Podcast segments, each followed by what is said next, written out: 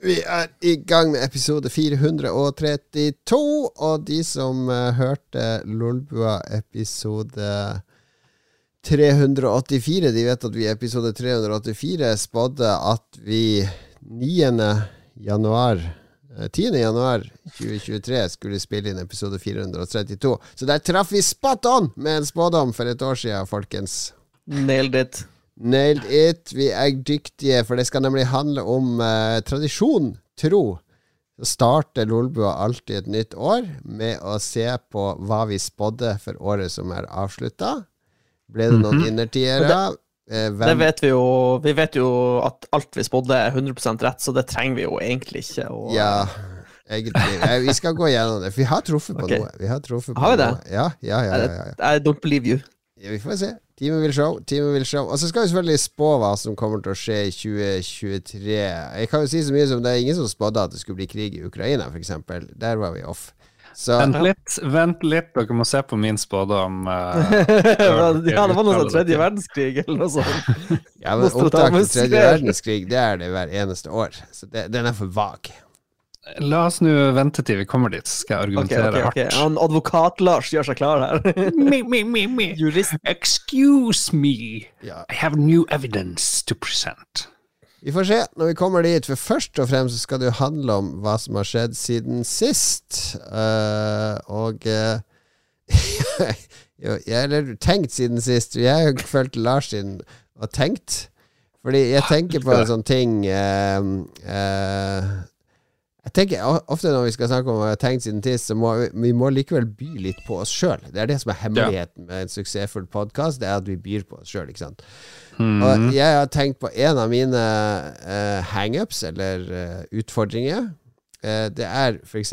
når Synne sier at jeg må dra på butikken og kjøpe ditten og datten. Vanligvis er det hun som gjør sånn storhandel. Noen ganger handler vi fra Oda, som det så fint heter nå, i stedet for kolonial.no. Da kommer de og leverer på døra. Ja, veldig kjekt. Jeg, vi aner ikke hva du snakker om. Finns, dette er sånne ja. Eh, Oslo-ting. Eh, ja. Vi, vi, vi, vi, er for distrikt ja, det er skjønne. The future. Men i, i, storbyer, i storbyer så har man sånne tjenester. Du bare bestiller varer på nett, og så kommer de og leverer på døra di. Hey, Oda, kan du dra på Rema og kjøpe pakke Noe sånt. Pakke Petterøes Noe sånt. De heter kolonial.no eh, før, men så skifta de navn til Oda fordi de har satsa internasjonalt. Oda, det høres ut som de later som at her bor jobber det bare kvinner som heter Oda. Eh, eventuelt transpersoner som heter Herregud, Oda. Det, det er jo som å diskutere, som å diskutere uh, dataspill med bestefar, det her. Heng nå med deg. Oda er jo gigasvær bedrift. Jesus lord. Men, men, men, men, betyr Oda noe? Hva betyr navnet? Nei, ja. når de, alltid når de skal gå internasjonalt De kan jo ikke kalle seg for Kolonial når de skal eh, lansere i ja, Tyskland de kunne, de kunne jo kalle seg for Foodie eller det er jo tatt Food flying to your door, eller uh, ja. Levitating food. Nei, for det er engelsk. Hvorfor Oda? Jeg hater sånne navn. Ja, det må jo funke på alle språk. Det, det betyr ingenting. Jeg er helt enig. Navn burde være Egentlig burde Lolbo hete Ja, ja, jeg skal ikke rippe opp i den der debatten om hva den avisen din skulle hete, Lars, der jeg hadde en masse geniale Harstad, og så ble det det mest patetiske i verden. Vi putter bare en I foran, og så, så Fordi det, det, det er sånn som Steve Jobs gjør. Vi lot det være opp til folk. Men, vi ga dem fire det skulle vært verre enn Oda, er i Oda. Det hadde det het. Det heter det når de lanserer i Harstad. Oda er jo bare sånn her pretensiøs, uh, bare fordi Oda er så fancy navn. Å, Oda, Nei, det er, sikkert, det er sikkert noe sånn norrøn, vet du. Jeg tror du det? Jeg tror ikke Oda ja, ja, ja, det er sikkert med uh, Oda er et tysk navn som betyr rikdom, ikke sant? Så What? når de lanserer i Tyskland, så bare Ah, disse uh, welsche, norwegische uh, transportbyrå, ja, bitte, faren sin mitt i kolonialvaren nach mein Hause. Nå driver du og støtter sånn her eh, internasjonal globalisering av alt. Pengene forsvinner ned til Tyskland i stedet for å gi dem til nærbutikken rett rundt hjørnet. Du bor jo fem, fem meter fra en Rema, gjør ikke du det? Jo, jo. Hvorfor skal du bruke deg Oda når du ikke gidder å gå 50 meter? Det er, det er jo skandale. Går du på butikken, eller kjører du bil? Selvfølgelig går kjæresten min ofte på butikken. Ja, det må være mye bedre at én bil kjører varene hjem til alle som trenger matvarer, enn at 200 mennesker kjører bilene sine til en butikk, parkerer, og så kjører hjem igjen. Du trenger ikke kjøre engang. Du bor literally 50 meter fra Rema. Ja, hva om jeg skal storhandle? Da må du Ja, da kjøper du på. Rema! Nei, jeg bruker ordet da må du men bære åtte nett med her kommer vi til poenget med min historie. Er jo at noen ganger så trenger vi ting, og så er min kone forhindra fra å gå Eller skal jeg være litt sånn gentleman og si jeg, jeg kan gå og handle det, eller jeg kan ta det på vei hjem fra jobb. Og så er det ofte eh, Det er ganske lite. Det kan være sånn to melk, og så et brød, og så noe pålegg, og så en tannkrem. Uh, eller tørkerull. Det er alltid det er så den lite. lateste familien i Oslo. Hør nå, det er alltid så lite at jeg tenker når jeg kommer inn i butikken Det er så lite så jeg trenger ikke handlekurv. Og Det tenker er jeg alltid, og så går jeg bort, og så plutselig står jeg med to pakker melk, og så skal jeg balansere en pakke egg oppå der, og så skal jeg ha et brød, og så skal jeg ha Og så plutselig så står jeg Hvorfor i helvete tok jeg ikke Hver gang så tenker jeg Hvorfor i all verden tar jeg ikke handlekurv? Men hver gang jeg kommer inn, så tenker jeg jeg trenger ikke handlekurv. Det er en sånn, det er sånn ond loop der jeg, jeg klarer ikke å forbedre den handlinga, fordi jeg ser det som et ned... Det er litt sånn å gå og drasse på sånn handlekurv, det er liksom feminint. Det blir meg imot å gå og trille en sånn kurv bak meg. Det er det du forklarer det med. Ja, for det minner meg om sånne gamle damer som kommer med sånn der liten sånn trillevogn. Trillebag med seg. Det er det jeg, jeg forbinder med de der eh, handlekurvene på hjul.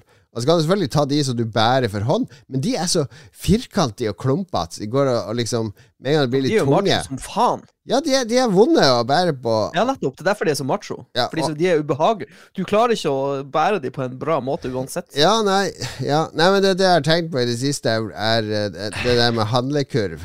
Um, Jeg har, en, eh, jeg har en veldig enkel regel jeg følger slavisk. mm, Hvis jeg skal ha mer enn én ting, så tar jeg en sånn liten kurv. Uansett. Den, hvis du eh, skal ha én Stratos og én hobby Ja, Hvis jeg skal springe inn og kjøpe en pakke tannkrem, eller én ting man har glemt til matlaging, eller sånt, da springer jeg bare inn og henter det. Men hvis det er en vanlig En tannkrem og en kjøttdeig, da er det handlekurv. Ja.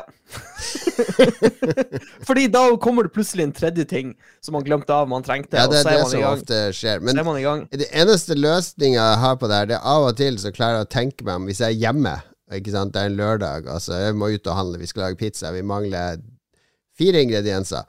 Så Greit, jeg kan gå og handle det. Altså, noen ganger så husker jeg Vi har sånne fine handlenett i tøy hjemme. Da tar jeg med meg sånn handlenett. Og da Ah. bruker jeg bare handlenettet som handlekurv. Og det er perfekt å bære sånn, sånn eh, litt sånn grovt, eh, solid handlenett rundt med varene, og så bare putter jeg det opp eh, på, på rullebånd og tar ut varene når jeg kommer i kassa.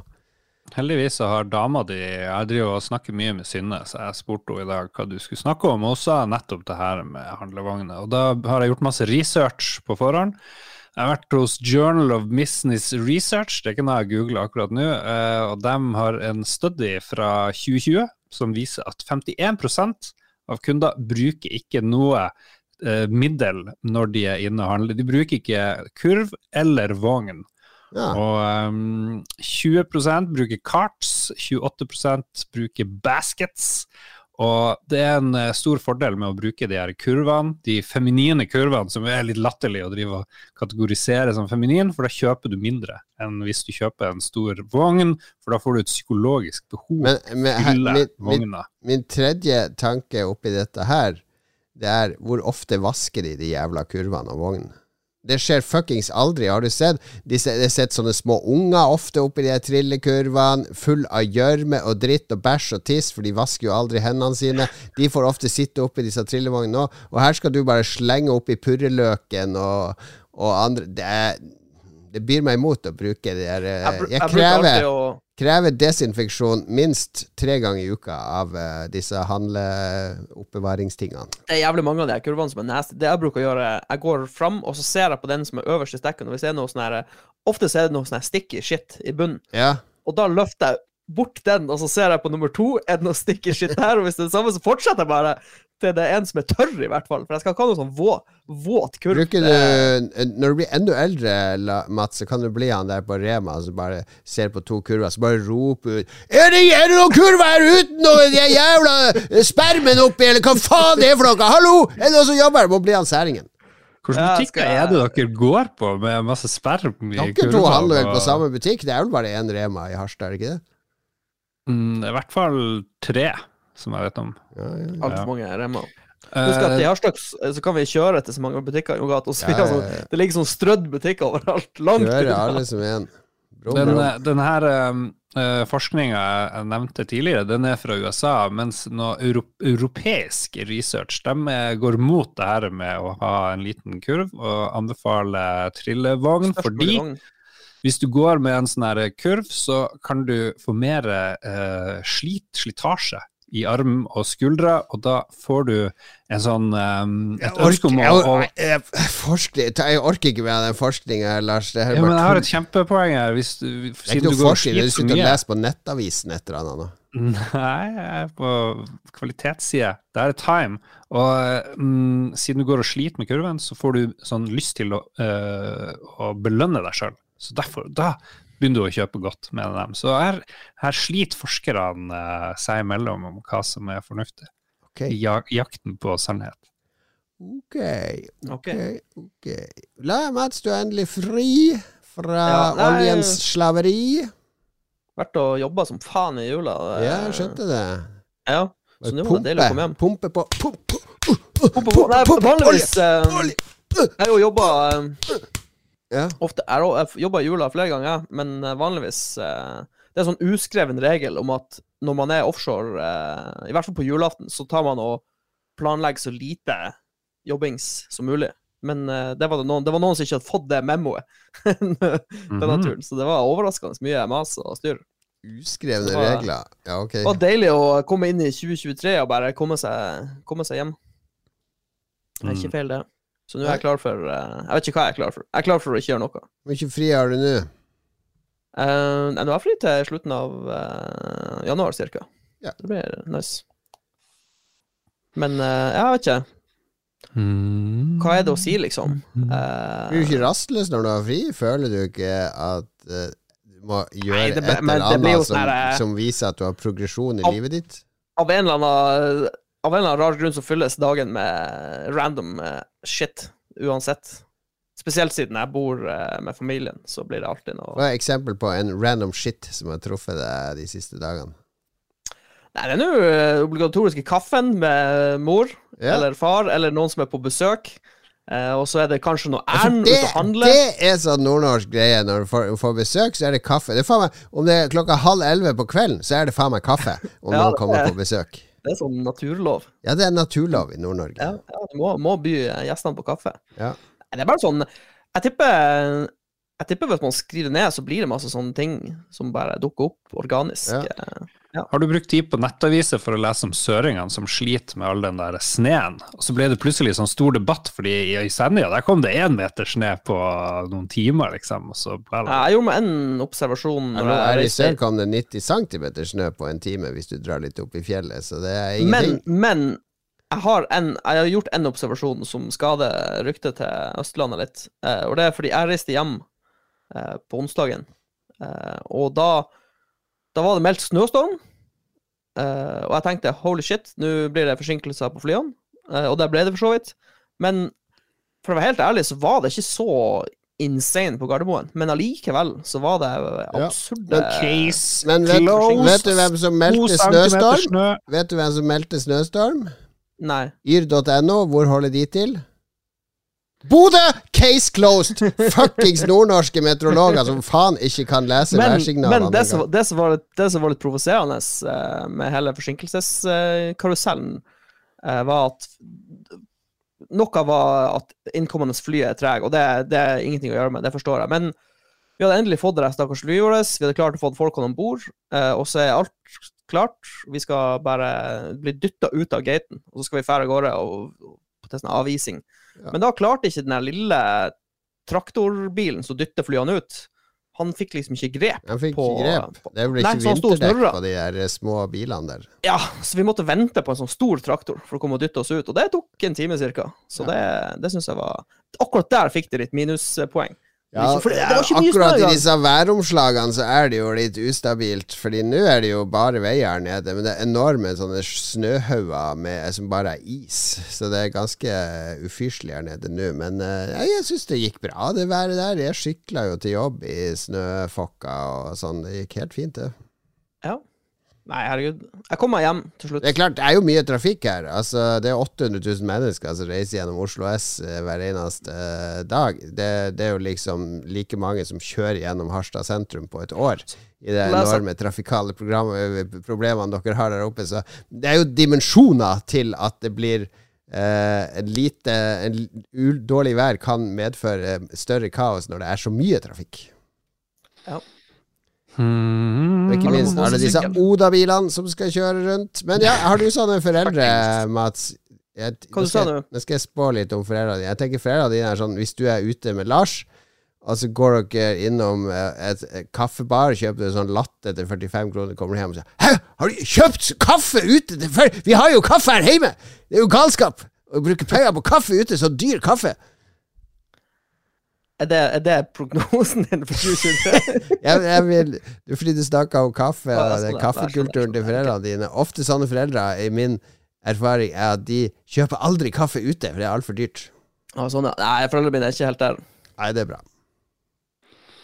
Det er bra. Hva med deg, Lars? Det har skjedd uh, Vi fikk, fikk masse sånn snaps på lørdag. Dere satt i noen capser, det var den pølsefesten, og drev og dokka på hverandre. Og Vi dokka ganske heftig. Nei, det har vært en begivenhetsrik uh, uke.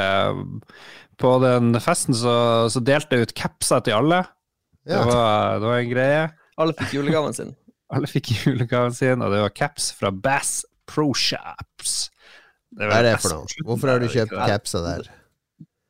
Det er Nei, for det er kult. Muligens intern eh, vits. Ja, det er litt idært. En eller annen gang i tida så tipsa han Mats meg, tror jeg det var, om eh, en fantastisk TV-serie som heter Tap Chat, hvor folk driver og skyter og kaster økser og sånt. Og der var Bass Pro Shops var, var hovedsponsor, og de sa Bass Pro Shop hele tida. Delte ut gavekort, og programlederen har sånn fantastisk dialekt. Han sier Bass Pro Shop! Han har veldig bred, bred dialekt. Ja, så det ble en greie som jeg aldri har glemt. Så da jeg så fant eh, Bass Pro Shop eh, Er det sånne ordentlige capser? Sånne 50 dollars capser? Nei, det er ikke 50 dollars capser. Men jeg måtte jo bestille fra USA, så det ble jo et helvete i toll i, eh, i sånn shipping. Du Men, kunne ikke eh, bestilt eh, til alle patrions og sendt ut til alle 70 som skal ha gaver sånn, som jeg skal kose meg med denne uka. Ja, for nå har gavene til patrions, Patrion, swappere, kommet. Så det Ja, er de gøy. har kommet. Mm, men det er bra. Ja, nei, Så det var nå derfor vi satt og jerka hverandre off. Men det var stor suksess. Alle syntes det var gøy. Alle satt med caps uh, hele kvelden. Uh, glede. Ja, og så må vi nevne at eh, Ståle, vi hadde jo Ståle som gjest i forrige uke, og alle satt jo benka klar. Um, jeg og Mats og litt folk satt her og så på, og det var jo innertier. Jeg har aldri, det er sjelden jeg har vært så nervøs med å se på TV som Ja. da jeg skulle se han Ståle synge. Jeg bare ble jo helt fra meg. Uh, så jeg driver ikke og felte en tåre, men uh, akkurat da, for jeg var så nervøs, liksom. Men uh, når jeg hørte den i ettertid, så ble jeg litt rørt. Jeg kjenner jeg blir litt rørt når jeg hører Ståle Veldig fin, og- veldig flink han Ståle. Ja, han var flink. Han gjorde en god, han gjorde en god figur, som vi sier. Nå, han med i reality. Jeg skal være med i noe greier 25. mars. Eh, Mm. Som eh, vi kan komme tilbake til når det nærmer seg. Hva, hvilke reality skal dere komme dere inn på nå, Lars og Mats? Jeg lurer på, Er det spilt inn det der greiene du skal være med på? reality? Nei, det er live. Det er live, ja. Ok. Ja, Det er ikke Ja, reality, da, men det er et TV-program. ja. Det er det der eh, Hva heter det? Luksusfellen. Det er om noen år. Live. Vi mister alle patrions, og mitt forbruk ikke går ned. Uh, nei, jeg skal jo være med i 71 grader nord, men jeg tror ikke det blir å skje. Jeg ikke Men lyst. kanskje vi kan bli med i um, Kompani Lauritzen når de kommer til Trondenes? Mm, Ja, de skal jo opp hit. Ja, endelig få litt trening. Jeg er så sykt feit. Kanskje Eh, og så og så har jeg også fulgt med litt på Dungeons-spillinga til Jan Philip, som var på lørdag, med sånn proff um, GM. Men det, har, du ikke hørt noe på det? De prater engelsk når de er in character. Ja, det er en greie Det er en greie jeg har skjønt uh, i moderne rollespillfolk. Men folk i Norge er jo generelt ikke kjempegode i engelsk. Så det blir jo litt sånn oh, hello! Det blir jo litt sånn der eh, Det er veldig OK, og du blir vant til det, men det var veldig rart i starten. Det, det har jeg sett debattert på ulike rollespillforum, faktisk. Uh, For jeg er med på noen sånne rollespillforum Samme der Jens Arthur var med i de også. Han var jo veldig aktiv i disse diskusjonene. Så jeg, jeg husker når jeg, jeg satt og så på det og hørte at de snakka engelsk, så tenkte jeg her hadde det vært gøy å høre Jens Arthur sin take på engelsk versus norsk og sånn, for det var lange diskusjoner om det på de forumene. Jeg tror jeg vet uh, Jeg tror jeg vet litt av grunnen til hvorfor.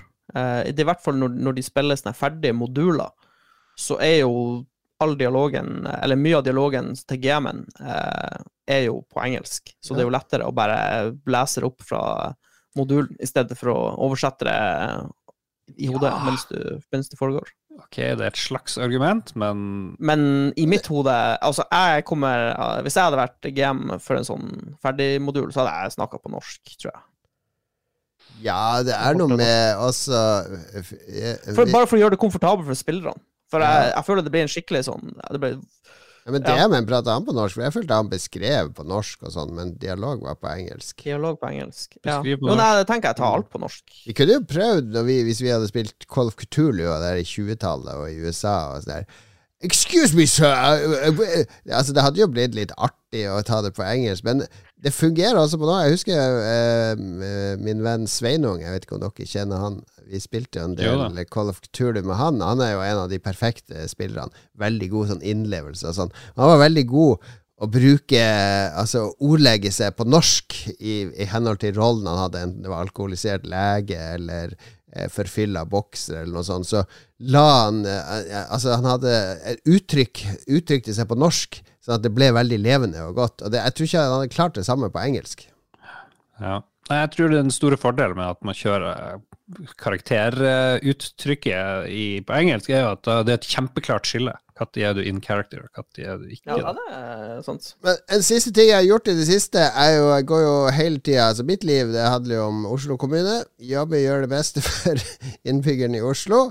Og så gjøre minimum for min familie, så at de overlever. Og så resten av tida gå med til å tenke på Lolbua. Hvordan kan jeg forbedre Lolbua? Gjøre Lolbua bedre? Så jeg har te- tenkt på Vi burde jo ha noen sånne soundbites. Få folk til å endorse Lolbua eller noe sånt. Vi kan lage litt reklamer og sånn. Så jeg drev med noen kjendiser har jeg møtt opp igjennom, som jeg liksom har eh, kan pinge og si hei til. Har Sendt litt meldinger rundt omkring. Bare hørt eh, Du vet at jeg lager podkast og sånn, kjenner til den. Så et par som kjenner til den, og til og med noen som hørte på den. Og så bare spurt, kunne du spilt inn en sånn kul soundbite, da? Bare som vi kunne brukt. Og det er flere som har sagt ja da, det kan vi gjøre, men han, en av de, han sendte en til meg. Så nå kommer det nytt år, nye muligheter. Eh, vi, vi skal vokse, vi skal få, få drahjelp. Eh, eh, det, er en, det er en kjendis, jeg tror begge dere vet hvem det her er. Her kommer det. Hvem er det som hører på Lolbua? Og anbefaler han dere å høre på Lolbua? Hei, dette er Ståle fra The Voice. Når jeg ikke synger på TV, så hører jeg ofte på Lolbua, min favorittpodkast. Hør på Lolbua du òg, da vel. Ja, det er søtt. That's funny. Fantastisk. That is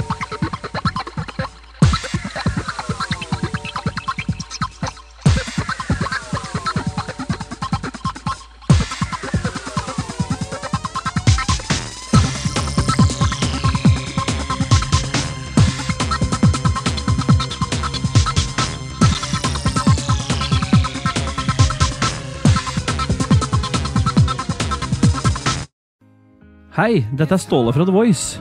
Når jeg ikke synger på TV, så hører jeg ofte på Lolbua, min favorittpodkast. Hør på Lolbua du òg, da vel. Takk til Ståle.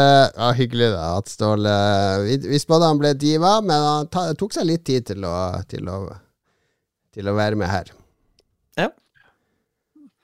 right. Morsomt. Morsomt, morsomt. Eh, spilte du bare musikk over det Mats sa, eller fikk publikum høre det han sa? Eller? Det var ingen som Jeg mutet dere når vi Ja, spilte. du ja. Jeg hadde en enorm, eh, enorm eh, plan.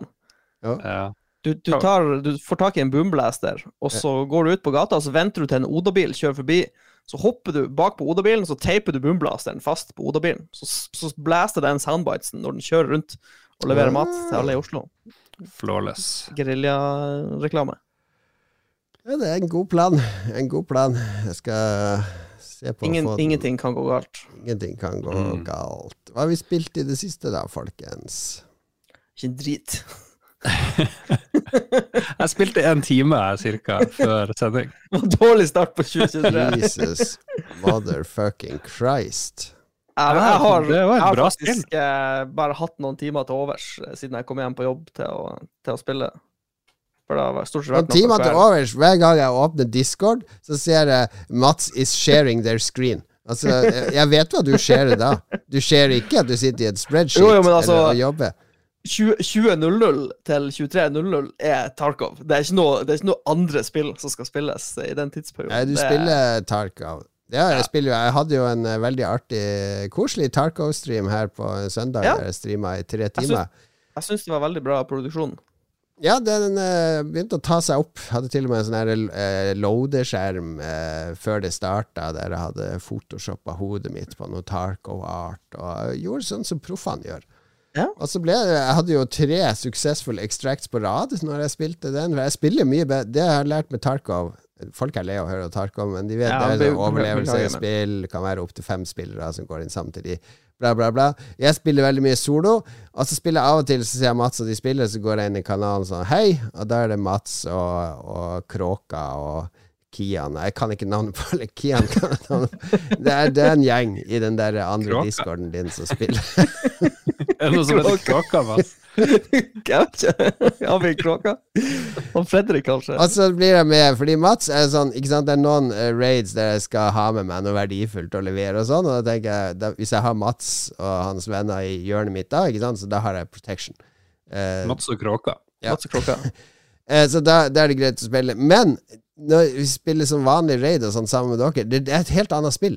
For det er et helt Ja, annet sånn der uh, nivå på Jeg er jo bare sånn idiot som får lov å være med. Uh, og så det stilles ingen krav til meg, fordi, fordi jeg bare virrer rundt, prøver å henge med de andre. Og alle dere har na 100 navn på alle steder og sånn. Så Ja, vi har henger sånn call-outs. Callouts, jeg henger med halvveis på det. Og så er det sånn, hvis noen gjør en feil Jeg, jeg er freda. Hvis noen andre gjør en feil, da er det kaptein eh, Johansen. Da er det Kompani Johansen, bare. Da skal de debrife med Hvis jeg står der, du kan ikke stå der! Bla, bla, din jobb! Og det blir sånn skikkelig sånn fotball eh, Akkurat som plutselig har jeg, spilt løkkefotball. Og så har jeg forvilla meg inn på sånn Vålerenga-trening, der du står og får kjeft og dit og datt. Det er bare det, jeg, jeg, jeg går tilbake til solospillinga, tenkte jeg. Jeg ikke, det, blir for, det blir sånn seriøst plan. Ikke sant, Der jeg ikke kan være. Jeg må, jeg må bare tulle og dulle. Du hadde hata det, Lars. Du hadde, du hadde flytta Ja, hals over eh, hodet.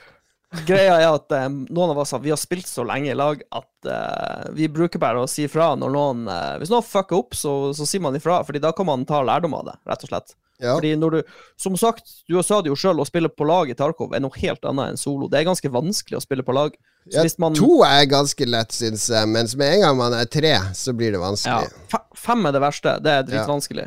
Men eh, hvis, hvis man bare spiller runde etter runde etter runde og dør og dør og dør, og ikke tenker noe over hvorfor man dør og hva som har skjedd, egentlig, så kommer man ikke til å bli bedre. Så det, jeg syns det er viktig Det er viktig å kjefte litt. Det, Ja, ja. Det, sånn er det i lagspill. Jeg må- tør jo ikke. Jeg har jo lurt på om jeg kanskje skal streame når jeg spiller sammen med dere, men det tør jeg ikke. Folk blir redd av du- den der strenge militære du, tonen. du må ikke bli med på competitive CS, Jon Cato. For da er, det, da er det blodig alvor. Da, er det, ja, da blir man hengt ut for båten hvis man gjør noe feil. Ja. Jeg, vil, jeg vil se en stream med lagleder Mats eh, som eh, disiplinerer og holder kustus eh, på laget. Det er jo genialt. Vi får se. vi får se Jeg kommer nok til å streame jobber meg oppover mot level 15 og fly. Jeg er vel på level 12 nå, så det er jo rett rundt hjørnet. Jeg klarte til og med den fantastiske questen med drepe tre PMC med pistol her i går. Fikk to pistolkills i Factory, og der var det gjort. Ja,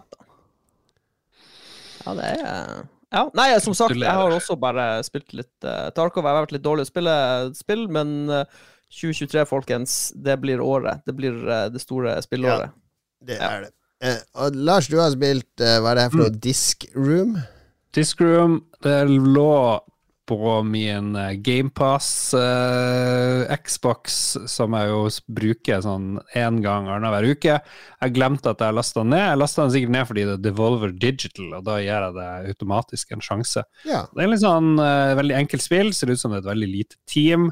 Og det går bare ut på basically å overleve så lenge som mulig i et rom fullt av sagblader som fyker rundt Jesus omkring. lord, det høres jo livsfarlig ut.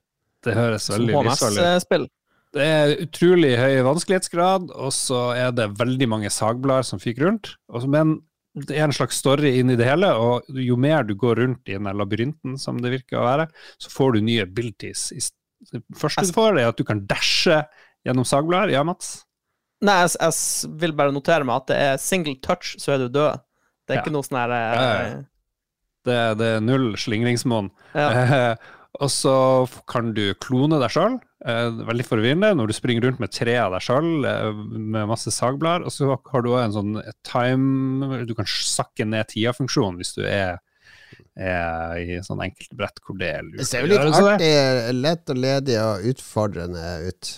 Ja, det var en eh, surprise hit her i kjelleren, så jeg og niåring satt og hadde det veldig Niåring, det er masse blod og sånn! Ja, det, det er sånn Among us-stil på grafikken, så Ja, det er veldig, veldig enkelt. Ja, Men det er så også er det En sånn liten kar i sånn gul regnjakke som blir delt i fire av et sagblad.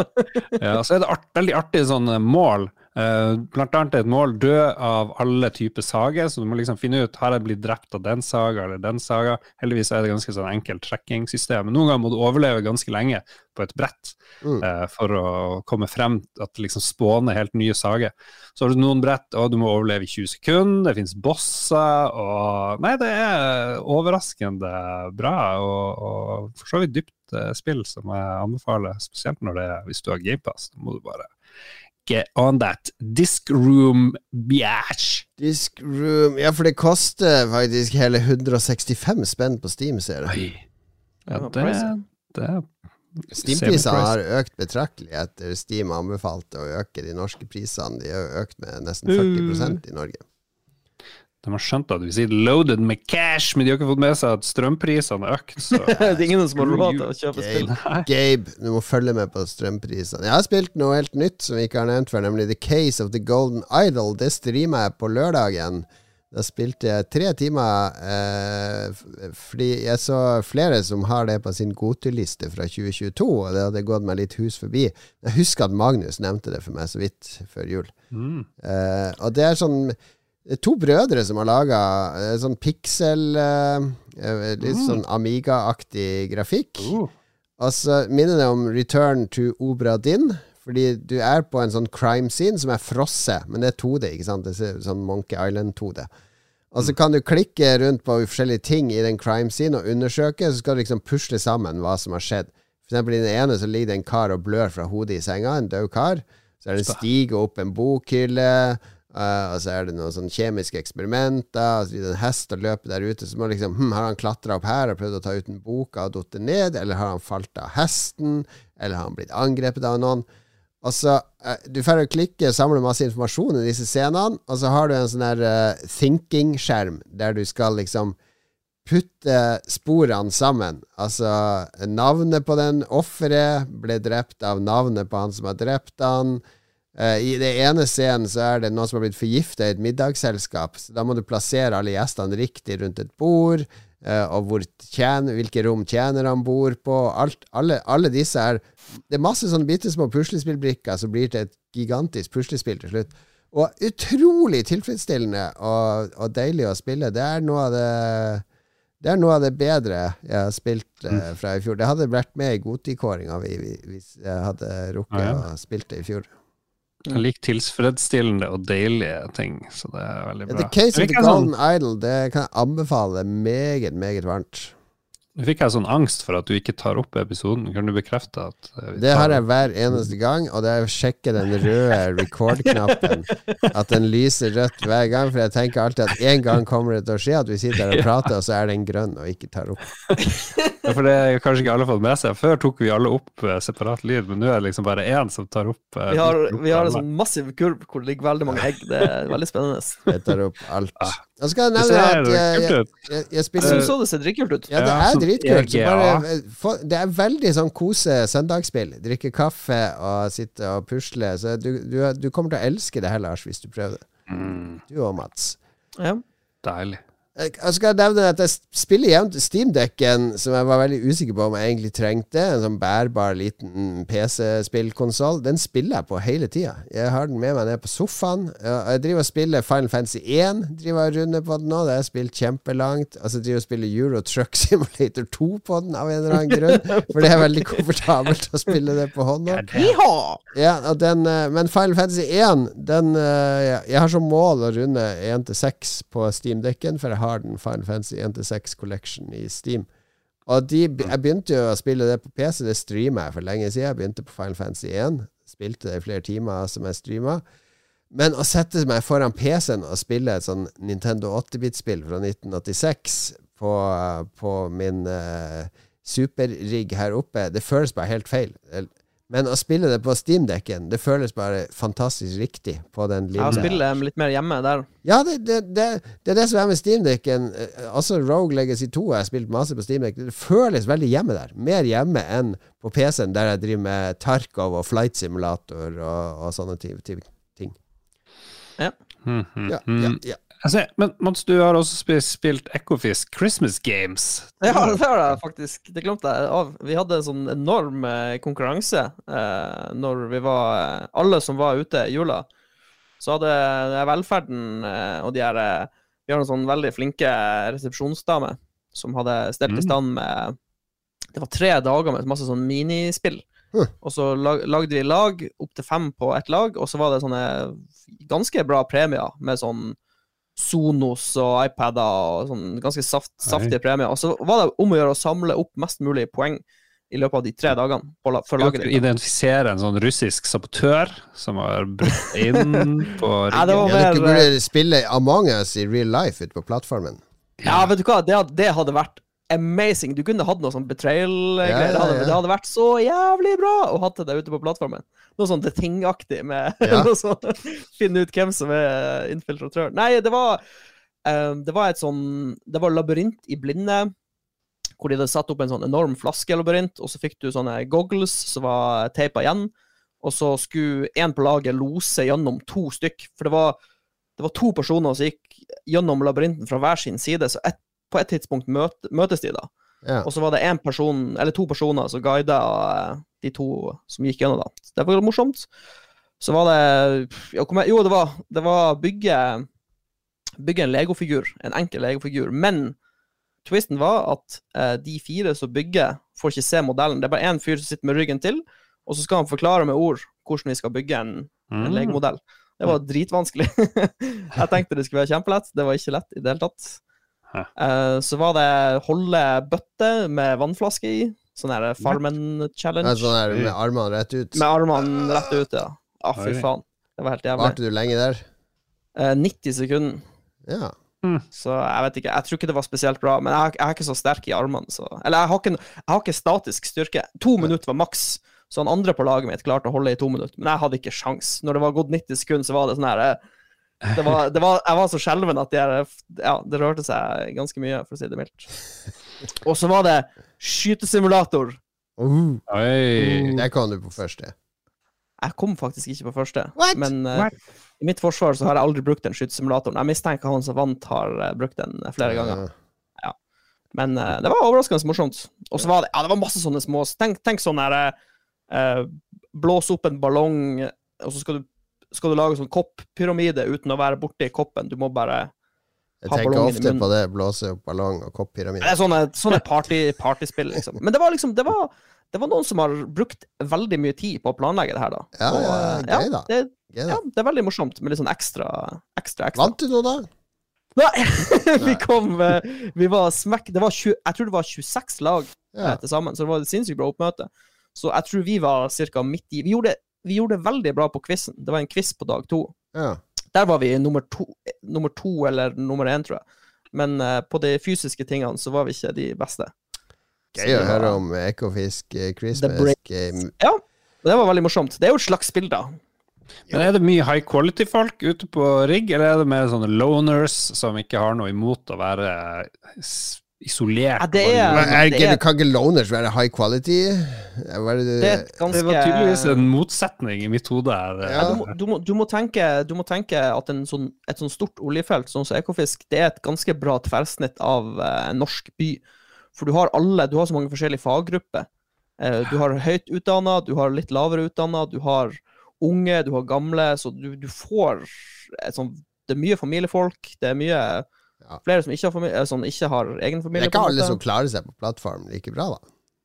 Nei, det er det nok ikke. Det er sikkert mange som jobber ett år og finner ut at dette går ikke. Nei. Og så finner Hvem tror du hadde klart seg best, da? Meg og Lars? på plattform. Ja. Jeg tror Jon Cato hadde takla det bedre. Hvorfor det? Skulle- Nei, bare Jeg tror han har litt sterkere psyke enn ellers. What? Jeg bare tuller. Det, det stemmer nok. Og en annen som har sterk syke, kommer nå. Hei, dette er Ståle fra The Voice. Når jeg ikke synger på TV, så hører jeg ofte på Lolbua, min favorittpodkast. Hør på Lolbua du òg, da vel.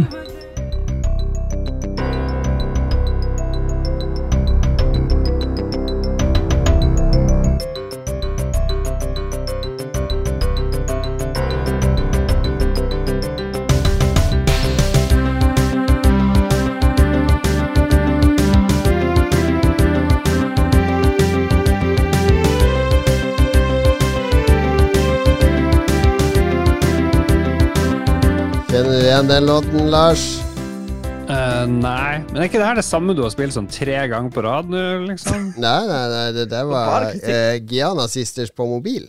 Ah, ja. På mobil? Ja, det kom ut på mobil i 2008 eller noe sånt. Det er veldig bra. Er utrolig hva man kan vinne, finne på downloads.kingdomheartsinsider.com. Det ligger, det det er titusener av, av soundtracks der til ting man aldri har hørt om. Fantastisk. Men vi har kommet til spådomsspalten, mine okay. venner. Vi skal nå først gå sånn relativt raskt gjennom spådommer for 2022. Vi har nemlig ni spillspådommer og ni eh, virkelighetsspådommer. Skal vi se hvor mange riktige vi får da. Vi kan få ni av ni på spill og ni av ni på virkeligheten. Okay. Jeg skal ta og lese de opp én etter én. Er dere klar? Ja. Ja.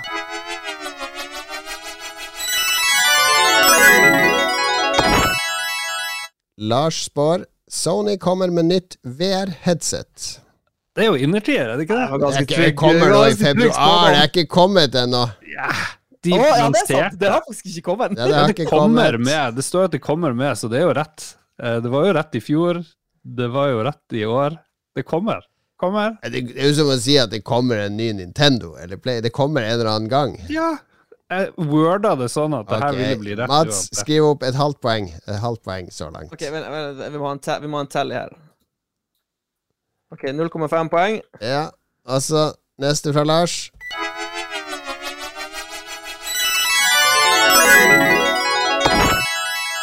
Sea of Thieves blir årets spill. Og jeg claimer poeng der òg, fordi det ble årets spill i uh, Ragequit. Ok, gi ham poeng. Gi ham poeng. Ok, Siste fra Lars.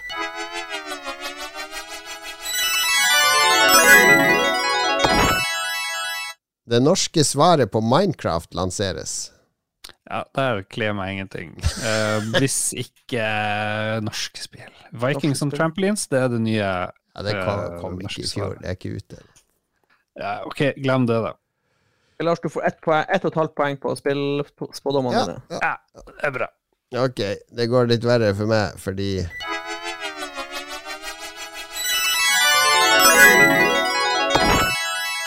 Bobby Kotick går av. Oh. Det er lov å håpe. Av ønsketenkning. Ja, tror- jeg tror han er- 2023. Han er fortsatt CEO, ja. ja. Ja. Greit. 2023, da får du rett. Han, han tok liksom og, han tok og dodga den der litt. Han bare gikk litt sånn ned i, Ja, ned i terrenget. han, han er ikke så fremtredende lenger, han. Nei. Hvordan klarer han å overleve? Det var masse Kotik-skandaler. I han fjor. har eh, teflonvest på seg. Ja, Helt klart.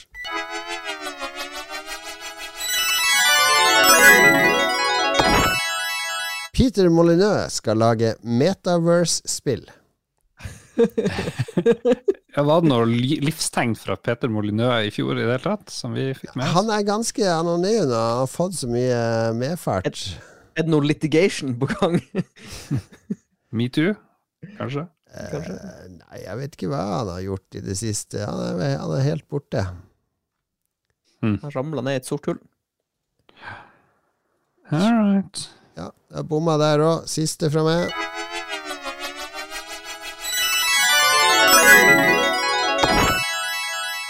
Misk Games lager shippingspill i ånden til Ports of Call.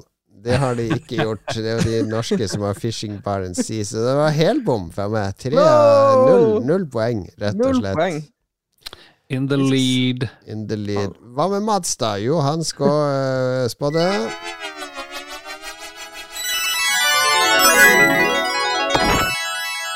Elden Ring Goti 2022, baby. Det var spot on. Og det var før Elden Ring kom eh, også, Mats, så dette var uh... Jeg, var- jeg var så trygg på det spillet der. Ja, jeg, og jeg tror vi kan si Ellen Ring innfridde mer enn noen torde å håpe ja, også. jeg ble faktisk overraska over hvor bra det var. Ja. Jeg, jeg trodde det skulle være bra, og jeg ble fortsatt overraska. Ja, og jeg var, jeg var så heldig å spille det sånn tidlig som presse, og da går du jo inn totalt blind. Fordi Mm. Du kan jo skjerme deg selvfølgelig og ikke lese reviews og se ting, men du får likevel en sånn vibe med folk driver og sier det er god i og ditten og datten. Ja, ja, Og det, uten den viben i det hele tatt, å begynne å utforske det spillet, altså bare det var lag på lag på lag på lag, og herregud så stort det er, og, og det er magisk. Magisk. Oh, oh. Uff.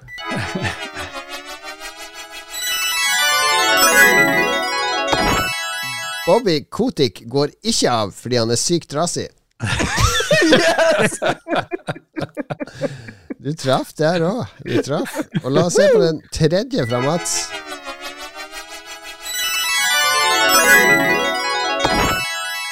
Mye fokus på play to earn og NFT. Ja, Det det i avtatt en del. Det var mer var det i starten. Ja, det var, var Men heldig, heldigvis så gikk internett ut på et korstog og fant ut at NFT-er det vil vi ikke ha i spill.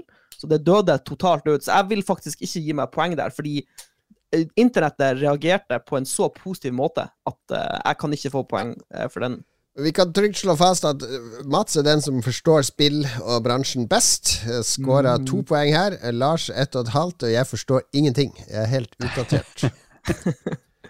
Ok, Hva ellers spadde vi i 2022? Vi spadde jo om virkeligheten, og jeg orker ikke å spille den lyden. For jeg burde Men jeg kan si Lars har tre spådommer her. Eh, vi ser opptakten til tredje verdenskrig. Det er for vagt. Det er for Nei, vagt. det, er- det, jeg spådde jo at Russland skulle invadere Ukraina, og det er det nærmeste vi har kommet tredje verdenskrig på lenge. Så jeg vil si 0,25 poeng. i 0,25 poeng for Han kan den. få 0,25 der. Fordi neste er nemlig Steven Seagal lanserer kampanje for å ta over makten i Russland etter Putin. Det har ikke skjedd, så holder han på 0,25. Og så tredje spådom. Noen i Lolbua blir nasjonal kjendis, går viral. Ja, det er close. Det, det skjedde i år, da. Men, Ja, du skal få et poeng. Jo, for han spil den var spilt inn i fjor. Ja. Du skal få et poeng han må få poeng for den. 1,25 poeng eh, til eh, Lars for sin 2022-spådom. Min spådom er jo da Lars blir samboer.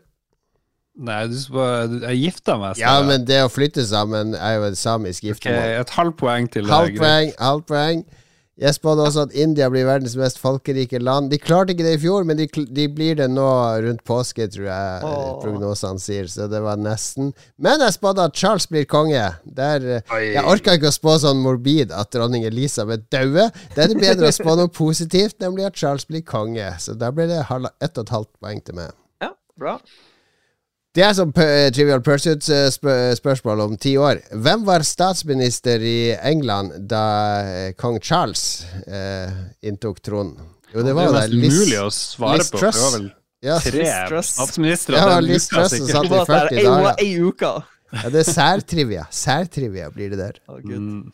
Men Mats, da. Eh, ny covid-variant. Tons of Rock 2022 blir Tons of Rock 2023. Ja, jeg var på Tons of Rock, så Det var, ikke... det var Ja, jeg bomma der. Men det det kommer kom jo en ny covid-variant. ja, det kommer det jo hele tida. Det er jo en naturlov.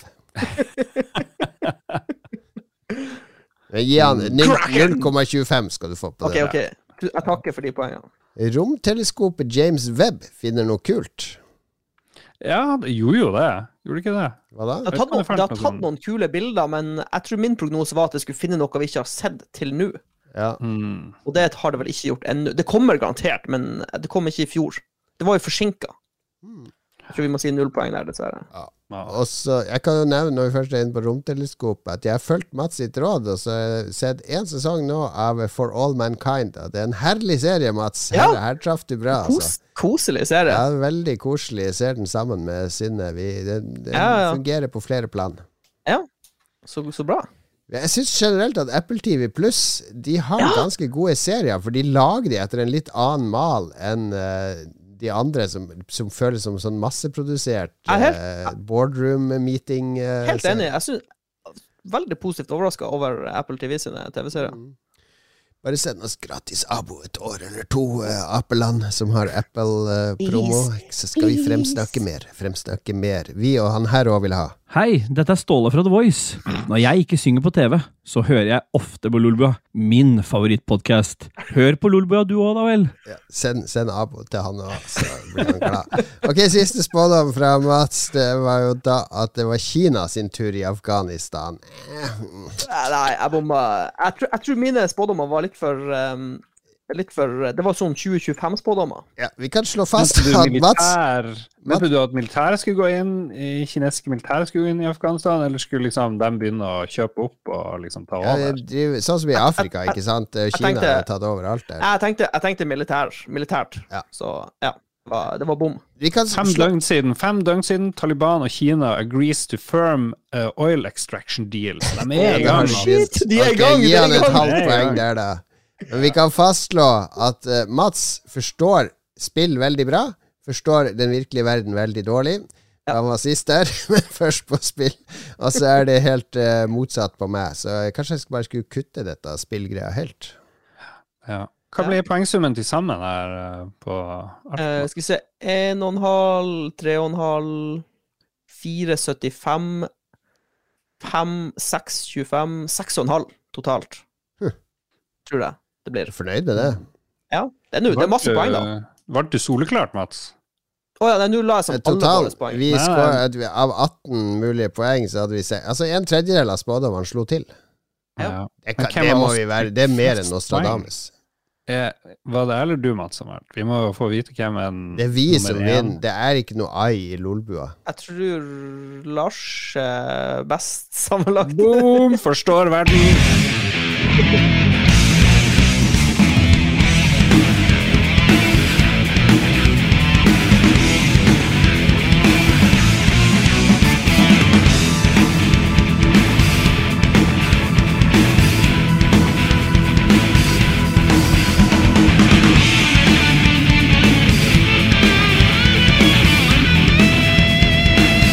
dette er Ståle fra The Voice.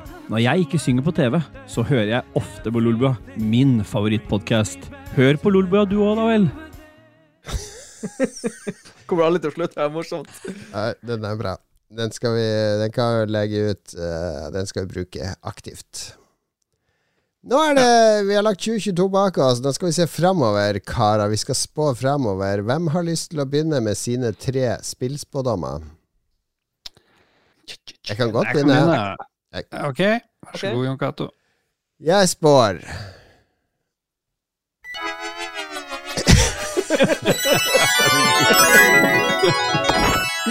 Ok, jeg spår tre ting rundt eh, spill her. Eh, jeg spår at World of Warcraft blir free to play. Oh. Kommer med en free to play-modell i 2023. Mm. Interessant. Jeg, vet du hva, jeg kan se den litt, for de har kommet med en sånn ny shop inn i spillet. Mm. Hvor de kan eh, tjene litt penger. Så ja, ikke umulig, det. Det er min første spådom. Min andre er at i Norge så får dataspill skylda for idrettsfrafall, fordi man kommer til å se et stort frafall i vintersport og sånn etter at TV3 og sånn drittkanaler begynte å sende langrenn. Så har folk begynt å falle av, interessen daler. Eh, også fotball. Eneste grunn til at folk vil spille fotball nå, er at de vil bli Haaland og tjene millioner. Det er ingen sånn ren idrettsglede. Så vi ser at ungdommen begynner med andre ting enn eh, idrett, og da kommer den der eh, idretten, som er eh, Norges største lobby og mafia, til å stå og sutre og klage over hvordan dataspill, dataspill, dataspill, dataspill røver ungdommen bort fra idrettsarenaene. Åh. Ok. Ja, friske spådommer så langt. Ja. Ja, spicy. Men min siste er Lolbua lager sitt første spill. Åh. Ah, jeg liker det. Jeg liker det. Jeg tror Eller du gir ut. Lage eller gir ut. Kanskje vi, vi beveger oss over i publishing-verden med våre enorme rikdommer. Som vi Kommer i hvert fall ikke til å gi ut noen bøker. Ja, vi lovte å komme med første kapittel. Ja, det feiler vi hardt på. Beklager til alle bokentusiaster. Vi Mm. Er 2023 året, Mats? Vi begynte Ja. jo med et Word-dokument. Ja, et dokument. Så vi Ja, 2023. 2023. Ok, fuck heller. Okay. Ok, Ah. Lars, hva er dine sp spådommer? Skal vi se Lars streamer på sin PC tolv ganger i 2023. Det tror jeg når jeg ser det. Jeg er kommet inn i sånn skikkelig streamermodus nå. Jeg streamer jo Jeg har streama masse i år. Jeg gleder meg til å streame til helga òg. Driver og leter etter et nytt Mm. spill å streame. Mm. Ja, så det, det er et slags uh, nyttårsforsett, da, på et vis. Så det hadde vært gøy å Ja, det hadde vært bra, det. Og så spår jeg at det kommer en Sega Dreamcast Mini. Uh, den tror jeg faktisk folk kanskje har lyst på. Ja. Fordi de her eh, selskapet Retro Inc., eller hva det heter, som lager Amiga Mini og Commodore 64 Mini og sånn, de har lovt at det kommer litt sånn flere ting, og noe er litt sånn wow, surprise. Jeg tror kanskje det er det som ligger i the pipe. Men eh, ja. Og så til slutt, kanskje litt hårete, Embracer Group, de kjøper Ubisoft. Ah, Ubisoft har jo lyst til å bli solgt. Og Embracer Group kjøper jo alle selskaper i verden, så da, da er det min uh, Si et Ubisoft-spill fra i fjor. Ja, det kom ikke noe Nei, jeg vet ikke. Nei, det, det, de er jo helt utdatert nå. Veldig rart. Kom jo helt til Assassin's Creed og alle de her hele Ja, det var pause på Assassin's Creed i fjor. Det er Veldig merkelig. Jeg, jeg, skal, jeg må sjekke om de kom med noen spill i fjor i det hele tatt. Uh, Det har kommet noe. Åh, for en dårlig Wikipedia-side. 2020 present. Skal vi se 2021 Å ja, her er vi på 2022. Jo, de kom med um, Clash of Beasts, som ble laga av Ubisoft Abu Dhabi. Et IOS-spill. Rainbow Six Extraction kom i fjor. What? Hva var det for noe?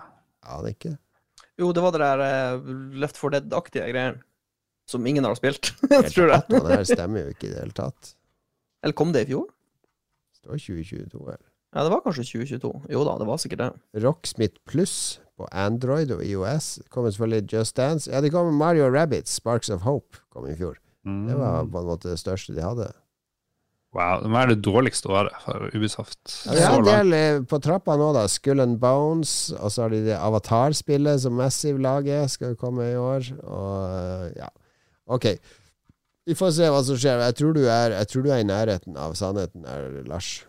Ja, ser du. Master of predictions. Hva med Mats Rindal? Ja.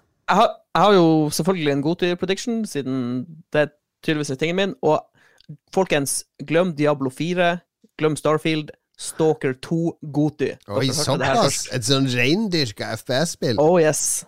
Oh yes. Det kommer til å bli et eh, magisk spill. Back to Jeg basics. det, jeg, det er i hvert fall det jeg håper inderlig inni meg. De er stakkars, stakkars utviklerne som måtte rømme fra Kiev til nabolandet for å gjøre ferdig spillet sitt. Så jeg, jeg håper jeg håper og krysser alle fingre at det blir et uh, kjempebra spill.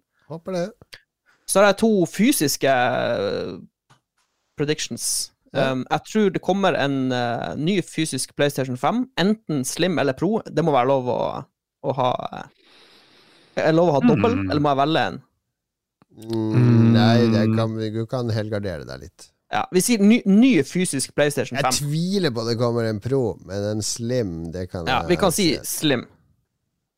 En, en litt sånn eh, litt, litt slankere, bedre kjøling, kulere PlayStation. Og så kommer Steam Deck til Norge, offisielt. såpass? Det vil være Ja. Valve har aldri lansert eh, Jo, men det- noe hardware i Norge. 2023. Gaben. Jeg sendte han mail eh, her om dagen, så det, det ordner seg. Vi har jo vår venn legen oppe i Tromsø. Til og med han ble så frista av Steamdeck han drev og importert for ågerpriser fra Ja. utlandet for å ha med seg til Svalbard og på helikopterturene Ja, sine. Jeg kjenner det, det, det rykker litt i steamdekk. eh, Det er en sånn greie som du ikke visste at du trengte før du egentlig har den. Og Lars hadde fått spilt mye mye mer hvis han hadde hatt en steamdekk Og kunne Ja, spille disse ligge i sofaen. Steam-spillene på sofaen mens ungene ser på TV og sånn. Det er garantert. Gara, gara. Godt poeng. Godt poeng. Wow, ja ok, gode spådommer for spillår. Eh, Vi skal eh, bare høre litt fra vår sponsor, så skal vi spå virkeligheten. Hei, dette er Ståle fra The Voice. Når jeg ikke synger på TV, så hører jeg ofte på Lolbua, min favorittpodkast. Hør på Lolbua du òg, da vel. Ja, ganske Faen, det bra. der, altså, det, han er veldig proff. på Ja, den han har det. Han Ja. sa til meg at det var noe av det flaueste han har gjort. Han syntes det ble helt jævlig. Men han, hø- du hører at han er kjendis allerede. Ja, ja, ja. Ok, IRL skal jeg begynne. ja. Eh, skal vi Ja. se fjerne denne. Uh, Follotunnelen utsetter åpninga til 2024. Oi, oi, oi. oi. Altså, dere er driver i med Nord-Norge og, maser om at dere skal ha noen sånne 100 mil med jernbane. Du ser hvor jævla vanskelig det er å bygge to Ja. eh, noen få kilometer med jernbane. Altså, det, det, er, det, er, det er to ting vi er ræva på i Norge. Vi er gode, vi er gode på eh, å få andre folk til å lage tunneler for oss, men å lage jernbane og asfaltveier, det, det kan vi ikke. Kan ikke returstrøm, i hvert fall. Nei. Kan ikke vi bare hyre noen kinesere eller japanere som kan det der med tog? Da hadde jo blitt sweet as fuck. Jeg vil ha Ja. bullet trains. Mm. Min andre spådom for 2023 er at Lars selger huset og flytter til Finnmark. Herregud. Ja, Jesus, det var dystert. ja, det var dystert. Det er heftig. Du går hardt ut. Ja, ja, ja, det er jo ikke noe jeg ønsker eller drømmer om, eller noe sånt. Jeg bare prøver bare å lese mellom er linjer. sånn. Lese mellom linjer. Du er så, det er så lite du deler fra ditt privatliv nå, så jeg må drive og tolke litt sånn fritt. Ja, jeg driver og liksom skal flytte. ja. Hva du tror opp huset for å booste verdien, og så selge eh, høy profitt, og så kjøpe eh, en eh, lav, lavvo eller et eller annet oppi der. Mm. Jeg tror jeg tror på Harstad. Harstad i vårt hjerte. Ja, vi får se. Vi får se. Ingen fornektelse. Det siste at AI blir forbudt, eller Oi. Det blir sånn der eh, eh, Masse lobbyvirksomhet mot AI-greier, og det blir store restriksjoner på hva AI kan brukes til. Kommer til å bli jukse som et helvete. Jeg ser jo min 14-åring nå. Det, han er bare hårsbredd fra å oppdage at han kan bruke en AI til å skrive eh, stilene sine. Eh, skoleoppgavene, løse de. Så i- det er, vi er på, på kanten av et stup der det vil bli fakkeltog og korstog mot AI. Det er interessant. Det er det. Når du nevnte tidligere at uh, vi kommer til å lage spill og sånn, så tenkte jeg kommer sikkert en sånn AI-greie hvor du kan bare lage spill på, på skrivende og setninger. Jeg tror du får sånn her eh, Du får en du får en AI som jobber mot annen AI, så du får en sånn eh, lærerne får en AI-hjelper som kan oppdage om studentene sin tekst er lagd av en annen AI. Kanskje du kan lage tekstadventures Det gjør jeg allerede. AI? Jeg har lest om lærere som driver og sjekker sånne tekster opp mot uh, AI og sånt, og ser om setten, de, de mater oppgaven inn i chat-AI og ser på teksten som kommer ut, og sammenligner den. Det fins løsninger for å sammenligne det elever leverer, med det som de genererer og sånn. Ja. Så det er allerede en krig på gang her. Ops. AI-krigen. Morsomt. Ja. Jeg tenker at noen må dø eller noe sånt før vi forbyr AI. AI-en må liksom gå litt amok. Ja, kanskje det. Og kanskje den personen dør når du kommer med dine spådommer nå, Lars.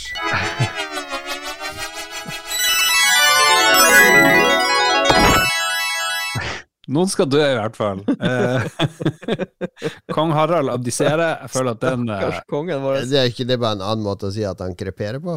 Nei, nei, for han blir så shabby i form. Jeg håper ikke han dør, men jeg tror han Det blir så mye stokk og innleggelser at eh, nå Ja. må, må Håkon ta over. Og så tror jeg at Ståle kommer på tredjeplass i The Voice. Veldig spesifikt. Kunne liksom gått for topp fem eller noe sånt, men jeg sier tredjeplass, for jeg føler meg så sikker. Hei, dette er Ståle fra The Voice. Når jeg ikke synger på TV, så hører jeg ofte på Lolbua, min favorittpodkast. Hør på Lolbua du òg, da vel. Ah, ok. Tredjeplass er bra. å da gjøre at Og få litt gigs og, og bli invitert på litt premierer og sånn, da. Ja, han kommer i hvert fall langt i The Voice, er min spådom. Uh, skal jeg bytte fra tredjeplass, eller skal jeg bare la det stå? Jeg får jo sikkert 0,2 La tredjeplassen stå.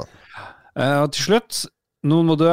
Elon Musk dør Ja på et eller annet uh, vis. Kanskje han blir påkjørt av sin egen cybertruck når han liksom skal automatisk hente den fra garasjen, eller det, jeg så en sånn video, apropos Elon Musk, fra den der uh, hyperloopen i Las oh. Vegas, der Musk har brukt milliarder på å bygge sånn herre uh, Veldig dårlig tunnel. Basically en T-bane der sitt, eh, det er masse Teslaer som kjører rundt i ring. Uh, og de er ikke selvkjørt, så det er sjåfør som kjører hver. Så man kjører i sånn 20-30 km i timen med passasjerer og slipper de av.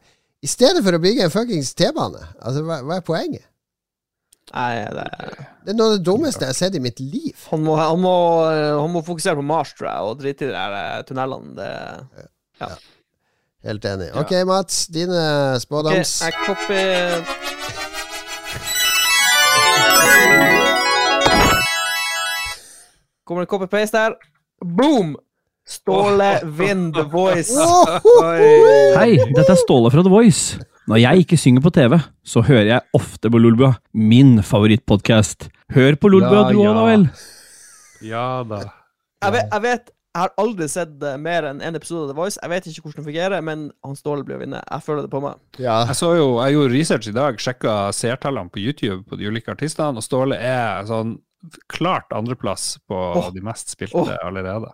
Nei, vi, vi, må, vi må gjøre det vi kan for å hjelpe han Ståle. Har du klart å lage en i Harstad-sak på det ennå? For det skal, på sånn lokalaviser så skal det jo Du kan jo eh, det kan jo være ganske far-fetched kobling, ikke sant? Men her er det jo en kobling at Harstad-vennen Ståle, som er eh, eh, lager podkast sammen med Harstad-podkasten Lolbua? Her har du, det er jo en kobling, sånn at du kan lage lokalsak ut av det. Verdens tynneste slimtråd. Ja, jeg husker de hadde da Obama hadde vært i Norge og tatt imot fredsprisen, så hadde lokalavisen på Førde De hadde sånn sak med sånn bilde av en flyradar. Her flyr Obama over Førde! Jesus Christ. Ja, det er gøy. Jeg er med på den. Fin sak. OK, og så har jeg ytterligere 2023 er året vi tar, vi tar kontakt, eller romvesenet tar kontakt med oss. Det der har du spådd nå i ti år. Nei, Du gleder deg så jævlig. Jeg spådde det ikke i fjor! Jeg hopper, jeg hopper over 2022, fordi åpenbart er 2022 ikke året vi tar, de tar kontakt. Men 2023 Men det, det, vi må huske, det vi må huske på, folkens, her, er at det kan hende at uh, intelligent eh, liv tar kontakt med oss i 2023, og så får vi ikke vite om det for senere. Så vi må, vi må ha forbehold om det. At vi kan gå tilbake og gi meg ett poeng. Hvor intelligent må 2025 det at- livet være for at vi sier at det er intelligent? Nei, altså, vi, vi snakker eh, Close Encounters of the Third Kind-nivå. Men hvordan aliens har lyst til å ta kontakt med oss? Nå driver de og har sånne her, eh, riots i Brasil, i USA, er det bare det blir jo en slags intervention. Ja. Vi ser klipp fra den hyperloopen Ja, altså, Elon det blir jo- Musk. Hva i det blir helvete de holder på med? det, det, er jo, det er jo for å hjelpe de åpenbart patetiske vesenene som sliter tungt. Det blir jo eh, Ja, de må hjelpe oss, åpenbart. Ja. Eh, og så eh, tror jeg også at eh, bitcoin kommer til å ligge under 6000 dollar på et tidspunkt. Såpass! For ordens skyld så ligger det på rundt 17 000 dollar nå. Så jeg tror krypto skal ned. Det skal bli billig. Det skal bli billigsalg. Krypto going down. Ok, vi elsker spådommer, og vi har fått noen spådommer fra lytterne nå, har vi ikke det, Lars? Vi skal ta for oss etterpå. Jebbedu. Jebbedu. Men først litt musikk.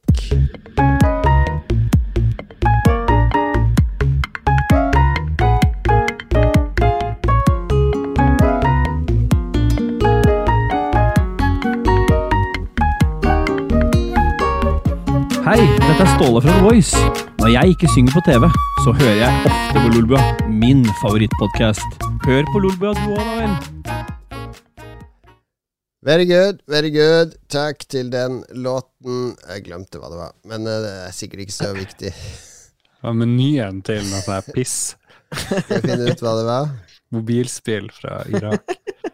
Skal vi se Å nei, det er ikke så langt unna, Lars. Den er, eh, det er Wattam. Det er altså streama sammen med se- eh, det, det er japansk spill fra han som lagde Katamari Damasi. Ah, ja. Ah.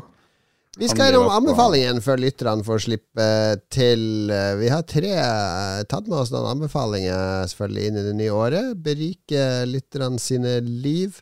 Jeg kan begynne Ja. igjen, jeg, for jeg har en litt sånn flau eh, Det er litt sånn guilty pleasure-anbefaling. Og nå, nå kommer dere Oda, hva er det for noe? For dere vet sikkert ikke hvem Oskar Westerlin er heller. Jeg må, jeg må google, vent litt. Er det en tiktoker? Ja, han er YouTuber, YouTuber, TikToker på Snap. Jeg ser på han på Snapchat, fordi jeg, jeg, det, Han var med i sportsklubben litt. Han er veldig ung, sånn noen og 20 år. 3-24 år. Han driver og anmelder sånne eh, fastfood-restauranter i Oslo. Han har også vært og anmeldt Michelin-steder. Og så driver han Han har en sånn leilighet i Oslo der han bor sammen med Jølle og en til, og de driver basically og lager content om han Oskar. Jølle. han er ikke sant, hvor ma- Si noen mannlige influencers i Norge.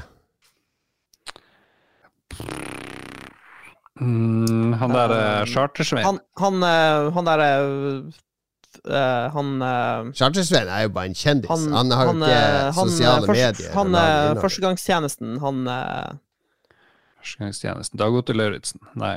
Nei, han, han er Herman Flesvig. Ja, han er kanskje mer en komiker. Ja, ja, for de, en influenser er jo en som lever av å lage innhold om og med seg sjøl, ikke sant? Gjerne i, på Instagram eller Altså, Sophie Elise er jo en influenser.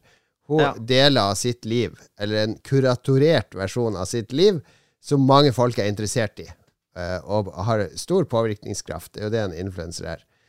Eh, og, og det fins ingen Det fins noen mannlige Du kan si Jan Thomas er en mannlig influenser, eller han der Elias, han der frisøren. Men de er influensere på disse kvinnenes premisser. Så de driver med hårprodukter eller sminke eller sånne ting. Så det fins jo ingen. Hvem er influensere for oss som liker sci-fi og dataspill og eh, Hvis du liker biler, motorsport? Det er, det er Fordi i mange mange år ja, når jeg jobba i Game Reactor, så hadde vi en svensk redaktør som heter Petter Hegevall. Og han, Mye var uenig med han, men han blogga fem ganger dagen på den nettsida. Og den bloggen var så bra, for han skrev om kjøkkenkniver, han var opptatt av å lage mat, han spilte tromme. Eh, han delte ting han fant og likte hele tida. En ny klokke han syntes var kul, en font som var bra. Så han ble for meg eh, Den bloggen hans, en tredjedel av trafikken til Game Reactor kom inn for å lese den bloggen hans. For han var faktisk den eneste mannlige influenseren jeg kjente til i hele Norden, som bød på litt sånn manneting. Med Ja. skrevet på en bra måte, og delt på en bra måte. Og Oskar Westerlin han er en sånn mannlig influenser for unge folk. Jeg kunne jo vært faren hans. Jeg har ingenting å gjøre på den kanalen hans. Men jeg er fascinert fordi han tjener ganske bra på å eh, være mann på, eh, på menns premisser. Og, og være rølpete. Det er, det er en del sånn drit på den kanalen, men det, de restaurantanmeldelsene de er morsomme. Eh, han, han driver og spiser mat, og så renner det sånn ketsjup nedover mens han driver og prater og, og bedømmer burgere. Han bedømmer det på mine premisser. Jeg kjenner at jeg som mann eh, Jeg beundrer at han får til å, å bygge seg opp en sånn maskulin influenseridentitet. Som ikke er toxic, som ikke er noe sånn Andrew Tate eller noe sånt. Det, Mm. Mann på 50 pluss-influenser er kanskje litt annerledes enn uh, ja, hvordan skulle det vært? Jeg har jo tenkt Kunne jeg levd av, av å sånn bare være sånn du, du er jo litt sånn smakspoliti. I Du, dag vil jeg snakke om en ny humidor som jeg kjøpte på Cuba. en sånn mann 50 pluss-influenser, det er jo sånn her Nå må vi kalle en spade for en spade. Altså, i går var det en ny bilbrann oppe på Stovner, og du får jo se at disse eh, Jeg skylder på ditten og datten og Carl I. Hagen. Det er sånn, det er sånn en mann på 50 pluss-influenser. Det, det blir helt feil, for da handler det om Det skal handle om deg sjøl og ditt liv, ikke sant? Det er jo derfor alle disse kvinnelige influenserne har så mye followers, for det er kvinner som ønsker å vite mer om dem og deres liv. mm. Så det er et fenomen. Så, så Oskar Westerlin Jeg, jeg Beundrer blir feil å si, men du har fått til et eller annet som fascinerer meg veldig. Så jeg driver og ser omtrent alt han legger ut, av en eller annen grunn. Ok. Oskar Westerlin, check it out. Jeg kan eh, anbefale kjapt uh, tusenmetringer. Når du kjører rundt med vanlige langlys, i hvert fall sånn weak ass Kia langlys, så er det Du ser jo ikke en drit. Det blir litt ekstra nå er det. Finnmark-blodet, så Jesus, tusen meter Altså, for det første, vi i Oslo, vi kjører ikke bil. Vi kjører kollektiv, Lars. Ja, men Nei, du skal, du skal kjøre med vidda, og du har eh. Og så har vi eh, noe som kalles veilys. De står i hyppig frekvens bortover og lyser opp hele veien. Ja, det har du ikke. Jeg har jo kjørt masse ganger nå fra Harstad til Kautokeino gjennom Finland og så Sverige, og der er det jo der er det dyr, og det er masse du elg. Først så kjører du helt bort til Finland, og så inn i Finland, tilbake til Sverige, og så opp til Finnmark. Det høres ut som en jævla omvei. Du kjører inn til Kiruna, eh, inn til Sverige, og så kjører du bort til Jeg over Ja, for du sa du kjørte først til Finland, så Sverige, og så Finland. Kautokeino er så langt øst, Jon Cato. Ja. Hvis du kjører i rett linje gjennom Sverige og Finland, så er det kortere. Ja, men, Lars sa han kjørte først inn i Finland, og så inn i Sverige. Det er Ah, ja. derfor jeg lurte på Ah, Ja, ja, ja, ja. Ja. Mm, Du kjører, i hvert fall, eh, du kjører i hvert fall langt inn i bushen, det er masse dyr, det er litt sånn dårlig sikt og, og sånt, og med, med ordentlige tusenmetringer, og de koster ganske mye. Tre, jeg tror det ble en 5000-6000 til sammen for sånn her mega, megalys, men det natt blir til dag, ikke sant, og du ser masse på, til høyre og venstre for veien. Det eneste som er litt ille, det er at du må være veldig forsiktig med å blende ned, for det er jo, det er jo som et angrep på andre bilister hvis du glemmer å, å blende Mm. det, er jo, det er jo en laser. Ja, det er jo det. Det er helt sykt. Men eh, hvis du kjører i grisgrendte strøk og ikke helt har testa det, så bør du i hvert fall låne en bil med sånne ordentlige greier. Så bare, Ja, det er, jeg skal innrømme at det er jævlig trasig når du kjører sånn langt, og du kommer utafor byene, og det er jævlig mørkt, eh, og du har dårlig langlys. Det er faktisk litt ekkelt, for du ser, Ja. du ser så kort foran bilen at hvis det kommer noe ut i veien, så eh, har du egentlig ikke noe sjanse å stoppe. Du la bilen stå og bruke Oda i stedet. Oda, tysk mm, kapitalflukt fra Norge, altså. Det, Det er et det norsk er det selskap skal som henter skulle, het, det skulle heller europeisk sånn kapital der opp til Norge. Blitz-Essen! noe sånt. Det har vært et mye bedre navn. Alright, tusenmetringer på bilen. Ja ja, det, det er noe Det er innafor, Lars. Du skjerpa deg litt. Og så skal jeg også kjapt nevne sett mer på Severance etter en lang Yes! pause. Den der eh, Apple TV Apple, pluss-serien. Og den er så bra! Ja, jeg vet ikke om du har sett den, Jon Cato, Ja, men det den, handler så jo den i sommer. Fantastiske. det- Som jeg anbefalte Mats tidligere. Ja. Jeg sa den i sommer, eh, sesong én. Jeg vet ikke om sesong to har kommet. Nei, den er ikke kommet. Nei, men jeg, jeg, jeg, jeg er av den oppfatning at den burde være avslutta etter sesong én. Fordi det, det er ikke Den kan bare Ja. falle i sesong to, tror jeg. Ja, sikkert. Men det er jo en fantastisk sånn metafor eller allegori, syns jeg, for arbeidslivet. Ja. Når uh, Ja. de driver og skal feire sånne her latterlige ting og gi arbeiderne sine litt sånne her trinkets. Og, og så begynner de å skal stenge inne alle arbeidere og prøve å liksom hindre at de snakker i lag og sånn. Jeg bare, Som bedriftsleder så liksom, og mange år i fagforeningsmann, så føler jeg at jeg har liksom eh, det bare slår, slår alle veier når det er sånn vanlig bedriftskultur, egentlig. Det er sånn jeg ser på det. Jeg ser ikke på det som sånn sci-fi-aktig, men mer en kommentar på dagens arbeidsliv i ulike organisasjoner. Synes det er Ja. utrolig festlig. Ja, nei, men jeg, jeg elsker Severance, og jeg håper, jeg håper de klarer å holde nivået i sesong to. Og premisset er at uh, de som jobber med sånn severance-avtale, de har da to personer. Eh, de sender én del av, eh, av seg sjøl. Det er jo samme person, men du glemmer eh, hva ditt ekte liv er. Du bare har en jobbpersoner, og du har en fritidspersoner, og de to kan ikke kommunisere.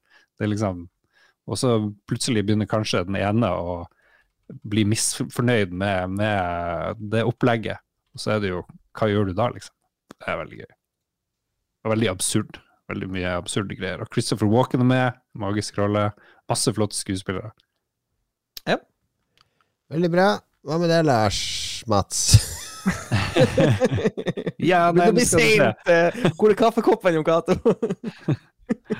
jeg, har, eh, jeg har faktisk en veldig enkel eh, anbefaling.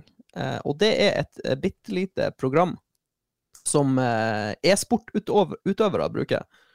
Fordi at um, Logitech lager veldig bra muser. Altså em, Jeg bruker G-Pro Superlight sjøl. Brukte det i over et år nå. Fantastisk eh, bra mus. Men programvaren deres er så sykt elendig. Der G-hub er en fornærmelse mot, uh, mot alt som er programvare. Uh, så jeg unngår det som døden.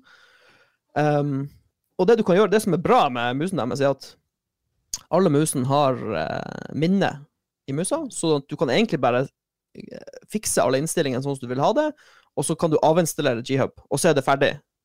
Slipp å tenke på det.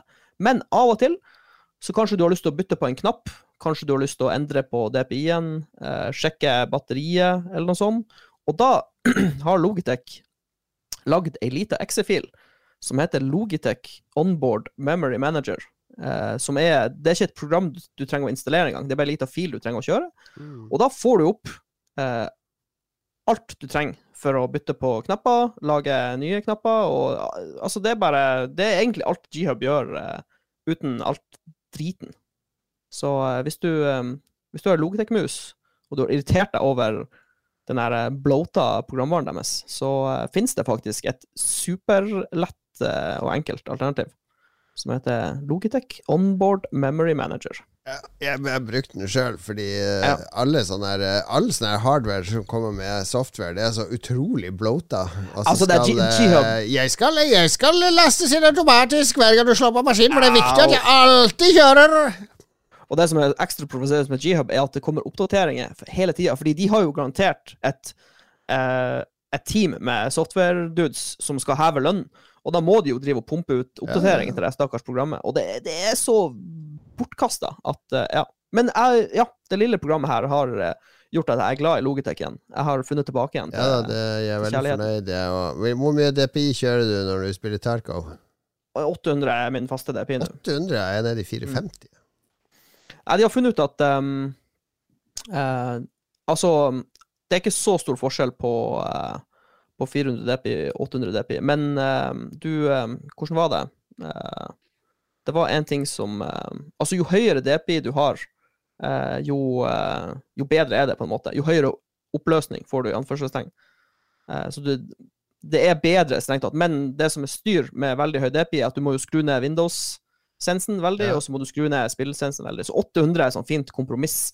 Da slipper du å operere med altfor små tall i, inne i spillene, på en måte. Men, men, men for å være helt ærlig, så tror jeg ikke det har noen forskjell om du har 400 eller 800. Det, Nei, det, altså det, det, du balanserer det på ene og andre sida, så jeg tror ikke det har noe sånn utslag Ja. der. Men jeg- Egentlig- Så det kan liksom, er det, er det, går det fortere å drar rundt til 800, eller går det fortere med 400? Hva er forskjellen? 800 DPI er dobbelt så fort som 400. Jesus Christ. hvis du Men eh, du, du tar uansett altså, eh, Det som er greia, er at det koker ned til at du Det du har lyst til å gjøre, er Du må finne ut La oss si du har en musmatte som er 40 cm. Da kan du kanskje si at OK, når jeg har dratt musa 33 cm, så skal jeg snu meg 360 grader i spillet. Og da justerer du jo bare all innstillingen i spillet, sånn at det stemmer. For det er jo det, det, det muskelminnet ditt går på. Hvor mye må jeg dra musa for å snu meg 60 grader og for å skyte på han fyren som er der. Så så lenge du har koll på det, så er det jo null problem. Bortsett fra i Tarkov, hvis du har på deg feil rustning, så snur du deg. Ja, uff, jævla Tarkov med det der eh, forskjellige Og så, Å, du har, et, du har feil sikte, så du har helt annen sens nå. Sorry. Hei, dette er Ståle fra The Voice. Når jeg ikke synger på TV, så hører jeg ofte på Lolbua, min favorittpodkast. Hør på Lolbua du òg, da vel.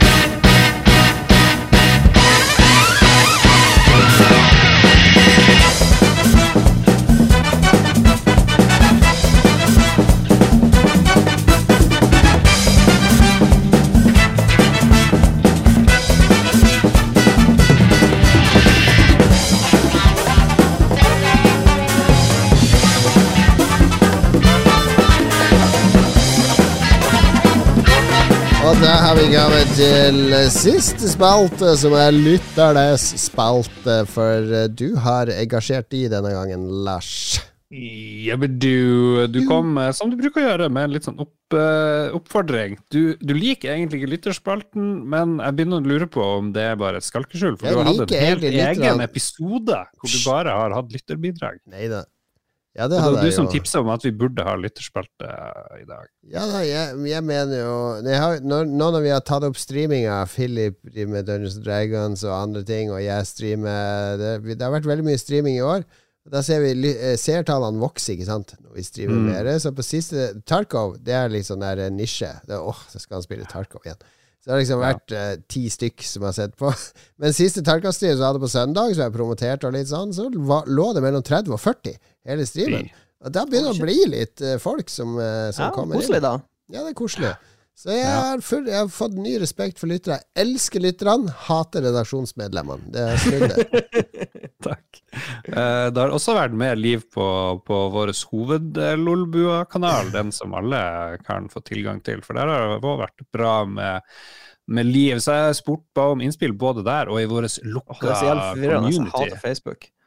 Eh, Det er liksom både bidrag med fra vanlige Lolbua. Hvordan finner jeg fram til den eh, bare Lolbua-sida, liksom? Du Bare skriv Lolbua, skal det dukke opp i Facebook. Og så har Facebook.com slash lolbua2000 heter den. Så har du òg en gruppe som heter Lolbua Entourage, hvor alle kan dele ting. eh, Ikke bare stort sett eh, vi, da. Men vi, ut, vi har lagt ut videoer og masse greier i den der hoved-Lolbua-kanalen. Så join begge to. Men uansett, vi kan begynne i eh, Entourage, kan vi gjøre. Kristoffer Carlsen mener at Diablo 4-lanseringa skaper kontrovers i LGBTQ pluss-miljøet, og Blizzard havner i hardt vær igjen. Mm, okay. Det er jo Ja. forventa at det skal skape kontroverser i mikrotransaksjonsmiljøet, hvis, hvis vi kan kalle noe miljø for det. Men uh, at det skulle skape kontroverser i LGBTQ Jeg trodde Harry Potter hadde liksom det fokuset nå i år. Mm. kanskje, kanskje det kommer frem at uh, For Diablo 4 er jo sånn, sånn eh, har jo litt sånn feminine eh, former nå. Oh, ja. Og så viser det seg at uh, hun er heterofil og helt straight. Og så blir de sur. Ok, men Blizzard er jo Bobby Kotick, eh, minst Ja, det det. sensitive mannen i verden. Tror du han tillater sånn eh, woke-shit i anførselstegn? Det får vi se på. Det får vi se på. Han, Simen Rudeløkken spår i likhet med Jon Cato at kong Harald Nei, jeg spådde eh, ikke det. Det var du som spådde det. Nei, jeg spådde at han abdiserte. Var det Det ikke noen av oss er som jo å spådde? abdisere. Nei, abdisere betyr bare at du går av uten å dø. Det er det motsatte. Ok. Ehm, Starfield blir ytterligere utsatt. Eh, ja, Martha, Martha og Durek slår opp. Ok. Eh, Starfield blir ytterligere utsatt. Veldig sånn royalist, han der Simen. Dovre kommune får ny ordfører. What? Ok, Simen. Skal vi følge med på. Atomvåpen blir tatt i bruk mot et befolket område. Og det er jo litt sånn eh, det, Ja, for det har jo du vært og kommentert. Atomvåpen! Du er sånn panikkmann, Lars. Du hadde også en Mm. post i redaksjonspraten vår her nylig når det kom en ny sånn her virusvariant. Så bare, Oh my god! Å herregud, nå dør vi! Du, du er Ja. veldig fatalist, Lars.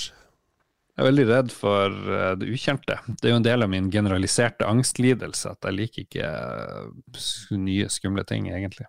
Sånn er det. Nei. Han eh, Stian Skjerven tror også at kongen vår dør. Det var, hvorfor tror alle at kongen vår dør i år? Jeg skjønner ikke jeg, greia. Er han, eh, han er jo Han er inne og ute av sykehuset hele tida. Er det fordi han har lagt opp seiling? ja. Kongen dør aldri fordi det er sånn her The king is dead, long live the king. Ikke sant? Det er sånn, sånn det funker. Mm. Ja. All right. Philip eh, sier at han var mer aktiv i 2022 enn i 2021 som planlagt, men han vet ikke om han orker å skru det opp enda et tak for 2023. Han tar det med knusende ro. Det viktigste er at man hver dag prøver å være en bedre versjon av seg sjøl enn man var dagen før. Ikke hvor aktiv man er, men bare være en, være en god versjon av deg sjøl, Philip. Det holder for oss i redaksjonen. Det virker veldig slitsomt å skulle være så mye bedre enn jeg allerede er. Hvordan skal jeg klare det? Ja, det er ganske enkelt i ditt tilfelle. en ting jeg vil bli bedre på i år, det er jo, og det tenker jeg jo hvert år, bedre å ta kontakt med folk. Jeg er jo elendig på å liksom holde kontakt med mennesker. Det, Ja, det, men, det har du nevnt så lenge vi har laga Lolbua. ja, vet det. Beklager. bare bare. Ragnar Mm. Tundal mener Nintendo Switch 2 eller lignende blir annonsert.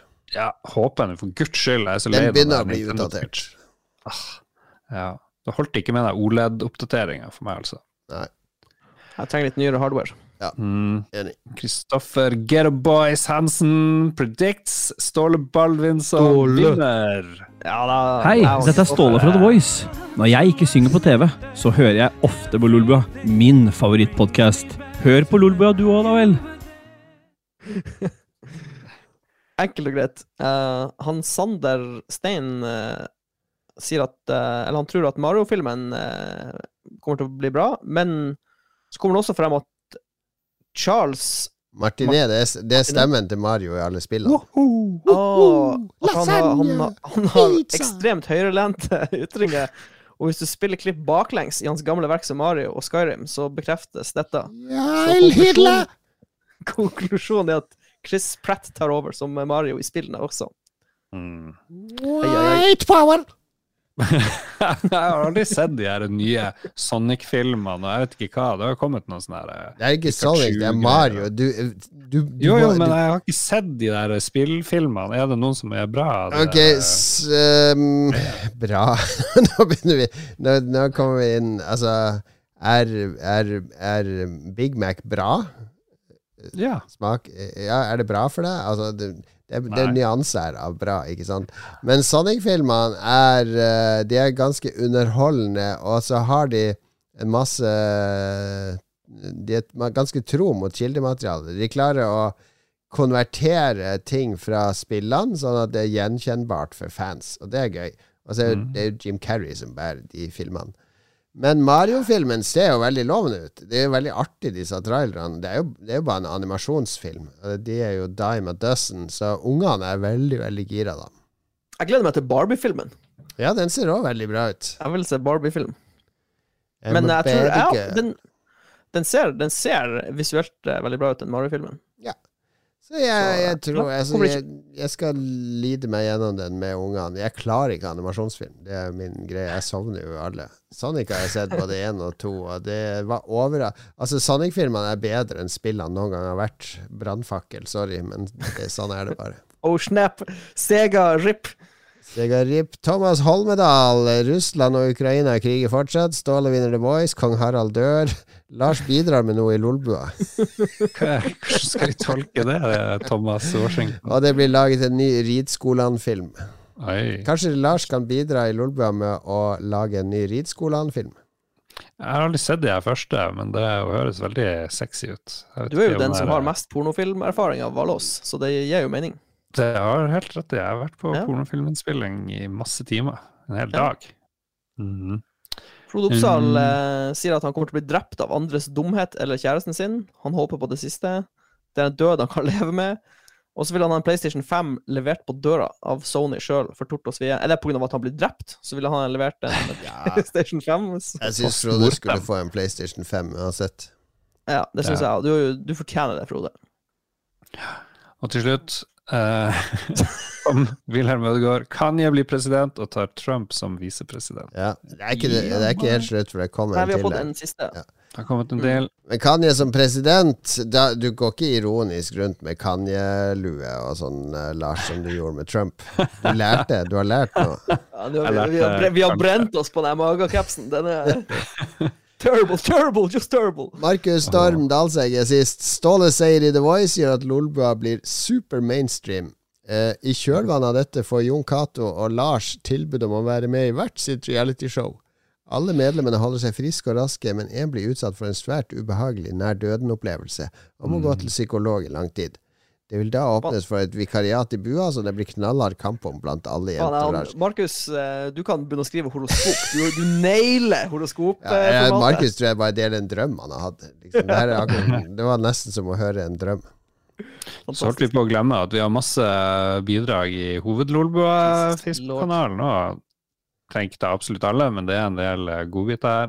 Joakim okay. Strandberg sier at Ståle overtar sceneshowet til Andrea Bocelli når han pensjonerer seg etter å ha møtt veggen etter uh, The Voice. Ok, ja vel. Etter Helges The Voice, jeg skjønte ikke. Kristian Kjesheim har ikke en spådom, men han gleder seg til Cyberpunk 2077 Phantom Liberty. Er det en ekspansjon? Kommer det en ekspansjon? Tydeligvis. Jeg tror det er DLC. Ja, det kommer nå i februar, tror jeg. Kan jeg bare komme med en liten rant her? Mhm. Ja. OK. Cyberpunk 2077. Eh, jeg prøvde å spille det når det var nytt, og det har ikke toggle M downside. Jeg lasta det ned før jul. Tenkte nå har spillet vært ute dritlenge. Nå må de ha klart å karre seg til å legge til toggle aim downside. Noe som alle skytespill som noensinne er lagd, har. Nei, de har det et ikke. rollespill. Ja, rollespill, da. Ja. Men det er et rollespill med skyteelementer. Så ja, Mm. jeg vil bare si at uh, jeg hater Jeg hater at de ikke har det. Så da gidder du ikke å spille det, eller? Ja, for det, det, muskel, det går på musklene mine. Eh, Jeg er ikke vant til å holde inne den jævla drittknappen for å sikte med våpen. Det er sånn Tarkov uh, Du kan ikke drive og Du kan ikke drive og presse fingrene ned på musa når du skal sikte på folk i skogen i Tarkov. Det, det går ikke an. Da må du toggle. Toggle aim! Så alle som jobber i CD Projekt Red som hører på Lolbua, kan dere please, please få toggle aim på Cyberpunk? Takk. Ja. Det var min Det er, det er en eh, mod for det. Ja, OK, da må jeg kanskje laste ned moden, da. Modder. Mod. Modu. mod. Stian fortsetter- Olsen Ja, vi fortsetter. Stian Olsen, Half-Life 3 Ja. på Baby. Hvorfor ikke? Ja. Tre. Det vil jeg. Jeg tviler litt, men eh, lov å håpe. BBC NRK blir kjøpt opp av Disney. det var tull. Bjørn Magne, det, det er så useriøst. er det ikke. Så Da er det gøy. Uh, Fridtjof, uh, Nicolai Wilborn, Godzilla viser seg å være ekte og våkner fra søvn under Kreml når de første atombombene treffer. Oi. Ja, det blir jo å snakke spicy eh, predictions. Mm. Uh, Morten Stensrud, Halo 5 på PC. Ok. Det hadde vært noe. Lars Petter Gjelsten Bø, Hogwarts Legacy blir huge! Bestselger, tett etterfulgt av Diablo 4, med jenter 30 år som største brukergruppe. Starlink er uspillbart til 2024. Stål, Ståle blir gjest på Nytt på Nytt. Det syns jeg det her er bra. Ja, det det tar seg opp nå. Kanye blir innlagt, og vergen uh, Great Guy, ifølge Donald Trump, selger rettighetene til spillet og skriver en shady avtale som begunstiger en tredjepart han selv har interesse i. Redfall blir årets spill. Hva er Redfall? Mod, mye modige eh, prognoser her. Ja. Redfall slutt- er det vampyr uh, Coop-spillet. Ah. Og til slutt, Azim Amin spår at Ragequit ordner sponsoravtale med Hasbro nå som årets catchphrase er Transformers. Det bestemte de i forrige sending. Deres nye catchphrase er Transformers. Det Da skulle vært drysser de på penger ja. på resten av Lolbua. Tusen takk. Tusen takk. Ja. Jeg skulle bare si at det skulle vært min spillprognose for 2023 at Hasbro går konk fordi de sliter som faen. Ja. Herregud, for en eh, prognose. Dere må takke eh, produsentene eh, ved å gi dem en spådom hver. Alle kan bli produsenter, alle kan støtte oss på Patreon. Det har vi liksom glemt å si lenge. Uh, Nå er nye soppergaver i hus. Uh, toget har gått for dere som ikke er sopper eller mer. 70 gaver, eller jeg husker ikke hvor mye det er, er snart på vei ut. En magisk, magisk greie som alle får. Ellers så får eh, folk både Ragequit er nå på plass, og Lolboa i Early Access eh, for de som er på rett tier der. Og så videre. Du kan støtte med én dollar hvis dere vil. Det er ikke sånn at man må støtte. Ja, og har du ikke råd pga. strømmen, så det, vi, vi elsker deg for det. vi er gratis også. Ja. Men, du eh, men eh, ja, Antete MXMP han eh, kommer til å gjøre det stort i 2023. Eh, Han kommer til å vinne i Lotto. Uh, da, blir han, forholder han seg som produsent, i hvert fall. Mm. Duke Jarlsberg han blir ikke bare duke av Jarlsberg, han blir duke av ostepop eh, i tillegg. Det er min spådom. Ja. Og til slutt Jon Cato, Han Ja, Jon Cato. eller Bjuslo spør uh, Han kommer til å gifte seg i 2023. Oi. Gratulerer så mye, Bjuslo. Kjærlighetens år. Hurra. Vi elsker dere lyttere. Takk for at dere fulgte oss gjennom eh, har fulgt oss gjennom nok et år. Og vi håper dere følger oss videre gjennom 2023 og til sist. Kos oss med litt musikk. Ha det bra!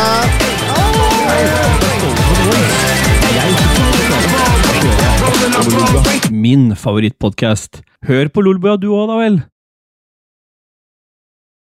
Har du et enkeltpersonforetak eller en liten bedrift? Da er du sikkert lei av å høre meg snakke om hvor enkelt det er med kvitteringer og bilag i fiken, så vi eh, gir oss her, vi. Fordi vi liker enkelt. Fiken superenkelt regnskap.